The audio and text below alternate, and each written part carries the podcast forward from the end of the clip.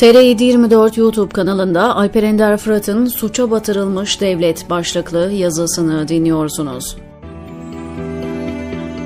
Kıbrıs'ta Halil Falyalı cinayetinin gözler önüne serdiği gerçekle bir kere daha çetelerin, mafyanın, uyuşturucu baronlarının devleti çepeçevre sardığını hatırladık. İnsan devletin bu halini gördükçe şebekelerin üzerine gittiği için hapse atılan polis ve savcılara hayıflanmadan edemiyor.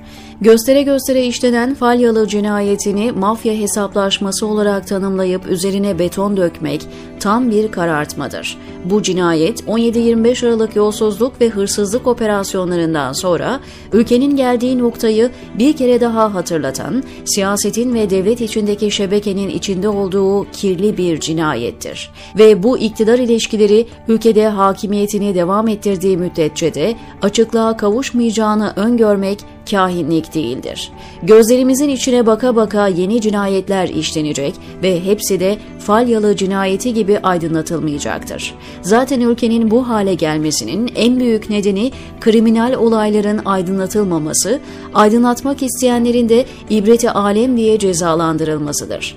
Mesela 14 Temmuz 2011 tarihinde Silvan kırsalında 13 erin şehit edildiği saldırı emrini İmralı'dan bir MIT mensubunun Kandilli'ye ulaştırdığı bilgisi soruşturulamadığı için terör örgütüyle devlet gücünü kullanan şer şebekenin ilişkileri açığa dökülememiştir. Hatta PKK saldırısına direnemesinler diye Temmuz sıcağında saatlerce kırsal alanda Mehmetçiğin neden dolaştırıldığına da cevap verilememiş, olaya sebep olan subaylar hakkında açılan dava hükümetin araya girip örtbas etmesiyle akim kalmıştır.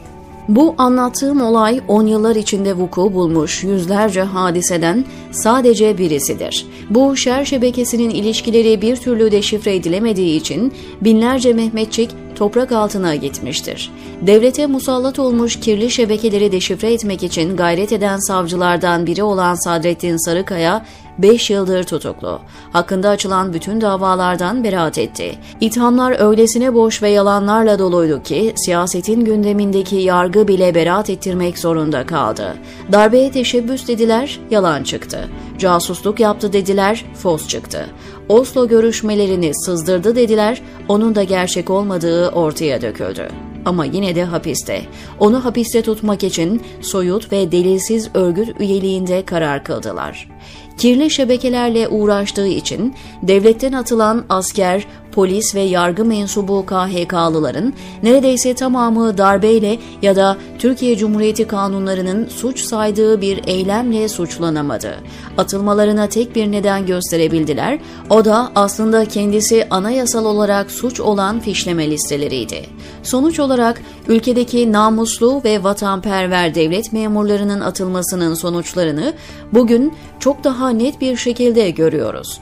Ülke madden ve manen iflas etmiş durumda. Önce Sedat Peker'in ucundan acık anlattığı ilişkiler ve hemen akabinde ard arda gelen ve en son Halil Falyalı'nın öldürülmesiyle ortaya dökülen devlet içindeki kirli ilişkiler Türkiye Cumhuriyeti Devleti'nin nasıl bir tehlike altında olduğunu çok net bir şekilde ortaya koyuyor. Güya cinayetin üzerine gidenlerin de önemli kısmı aslında bir örtücüden ibaret. Derin devlet, mafyoz devlet hatta Ergenekon'a hiç temas etmeden konuşanlara her zaman bir mim koymak ve şüpheyle bakmak lazım. Bir savcının kozmik odada incelemede bulunmasından dolayı herkesin ayağa kalkmasının tek bir nedeni var. O da solcu, İslamcı, sağcı, aydın gazeteci diye ortalıkta gezenlerin gerçek kimliklerinin ve icra ettikleri görevlerinin ortaya çıkma korkusudur.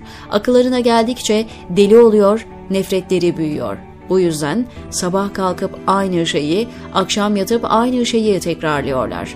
Ama artık suça boğazlarına kadar, boylarına kadar battılar. Boğulup gitmeleri an meselesi. Hiç şüpheniz olmasın, diyor Alper Ender Fırat, TR724'deki köşesinde.